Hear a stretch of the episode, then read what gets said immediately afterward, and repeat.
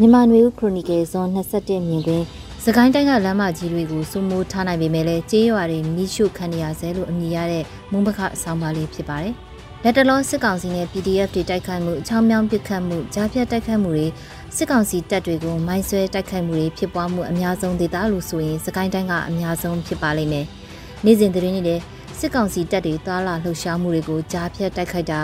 မိုင်းခွဲတာဘုံထောင်တာတွေကို PDF တွေကလှုပ်ဆောင်နေကြပြီးမြို့နယ်အများပြားကိုဆက်ဆက်ဖြတ်တန်းတဲ့ကချင်ပြည်နယ်နဲ့ဆက်ဆက်နေတဲ့ကားလမ်း၊စကိုင်းတိုင်းအထက်ပိုင်းနဲ့ဆက်ဆက်နေတဲ့ကားလမ်း၊မကွေးတိုင်းနဲ့ဆက်ဆက်နေတဲ့ကားလမ်းတွေမှာဒေသလိုက် PDF တွေကစိုးမိုးထားနိုင်တာစစ်ကောင်စီရဲ့ထောက်ပို့လမ်းကြောင်းတွေကိုအနှောက်အယှက်ပေးနိုင်တဲ့အခြေအနေရောက်နေတယ်လို့ NUG ကာကွယ်ရေးဝန်ကြီးက IFA နဲ့အင်တာဗျူးမှာပြောဆိုလိုက်ပါတယ်။စစ်ကောင်စီဘက်ကလည်းအဲ့ဒီဒေသတွေမှာမြို့နယ်အများပြားကကြေးရွာတွေမှာ PDF တွေကိုလိုက်လံရှင်းလင်းနေဆိုတဲ့မြေလံဖျက်ဆီးတဲ့စစ်စင်ရေးတွေလုပ်နေတာဖြစ်ပါတယ်။ဒဇယ်ရင်းမပင် ကပ်ဘလူကနီပလဲ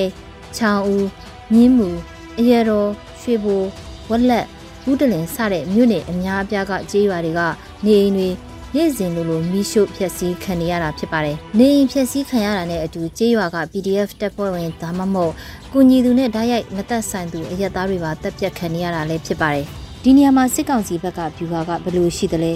PDF တွေရဲ့ပြင်မရင်းမြစ်ကိုအရင်ဖြတ်စည်းချေမုံတဲ့ဗျူဟာလားဆိုတာလဲစဉ်းစားစရာရှိပါတယ်။ဒီနည်းအားဖြင့်အရသာစကားနဲ့ပြောရရင်အတိုက်ကိုဖျက်ဆီးတဲ့နီလန်းကိုသုံးပြီးအတိုက်ပျက်စီးသွားရင်ပြန်ထူထောင်ဖို့ထောက်ပံ့ဖို့မလွယ်ကူတော့ဘူးဆိုတဲ့ရည်ရွယ်ချက်နဲ့လှုပ်ဆောင်နေတာလားဆိုတာမျိုးလဲဖြစ်ကောင်းဖြစ်နိုင်ပါတယ်။တစ်ဖက်မှာတော့ PDF တွေအနေနဲ့လက်ဝယ်ရှိတဲ့လက်နက်ပါဝင်လာတဲ့ဒေသခံတပ်ဖွဲ့ဝင်လူအင်အားနဲ့လမ်းတွေကိုစိုးမိုးတာစစ်ကောင်စီတပ်တွေကိုလိုက်လံနှောက်ယှက်တိုက်ခိုက်က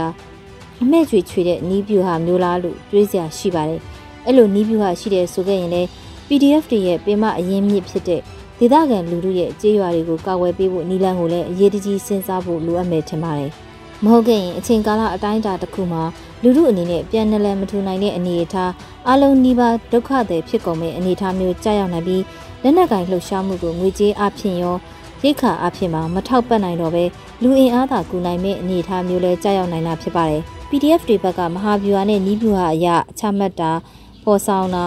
တစ်ဖွဲ့နဲ့တစ်ဖွဲ့အကြားစစ်စင်ရေးအရာပြေဝပူးပေါင်းမှုတွေစုပေါင်းကဗျူဟာချမှတ်လှုပ်ဆောင်မှုတွေရှိဖို့လည်းအရေးကြီးလိုအပ်ပါလိမ့်မယ်။ရန်သူကဗဟိုချုပ်ကင်မှုနဲ့အမိန့်တစ်ခုတည်းအောက်လှုပ်ဆောင်နေချိန်မှာမိမိတို့ဘက်ကအကွဲကွဲအပြားပြားစိတ်ကူးအမျိုးမျိုးရည်ရွယ်ချက်အမျိုးမျိုးနဲ့တစ်ဖွဲ့တစ်မျိုးစီတိုက်ခိုက်လှုပ်ဆောင်နေကြတာမျိုးဆိုရင်အချိန်ကာလတစ်ခုမှာရေချိန်တွေပြောင်းလဲလာနိုင်ခြေရှိတာကြောင့်လည်းဖြစ်ပါတယ်။ ခြုံပြောရရင်စီရေးလှုပ်ဆောင်မှုတွေမှာတတ်တတ်မတ်မတ်မဟာဗျူဟာနီးဗျူဟာချမှတ်မှုရှိဖို့ပြီးတဲ့နောက်စုပေါင်းဖော်ဆောင်မှုရှိဖို့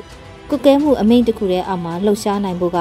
စီးရေးမှာအောင်မြင်မှုအတွက်အဓိကတော့ချက်တစ်ခုလို့ထင်မြင်မိပါတယ်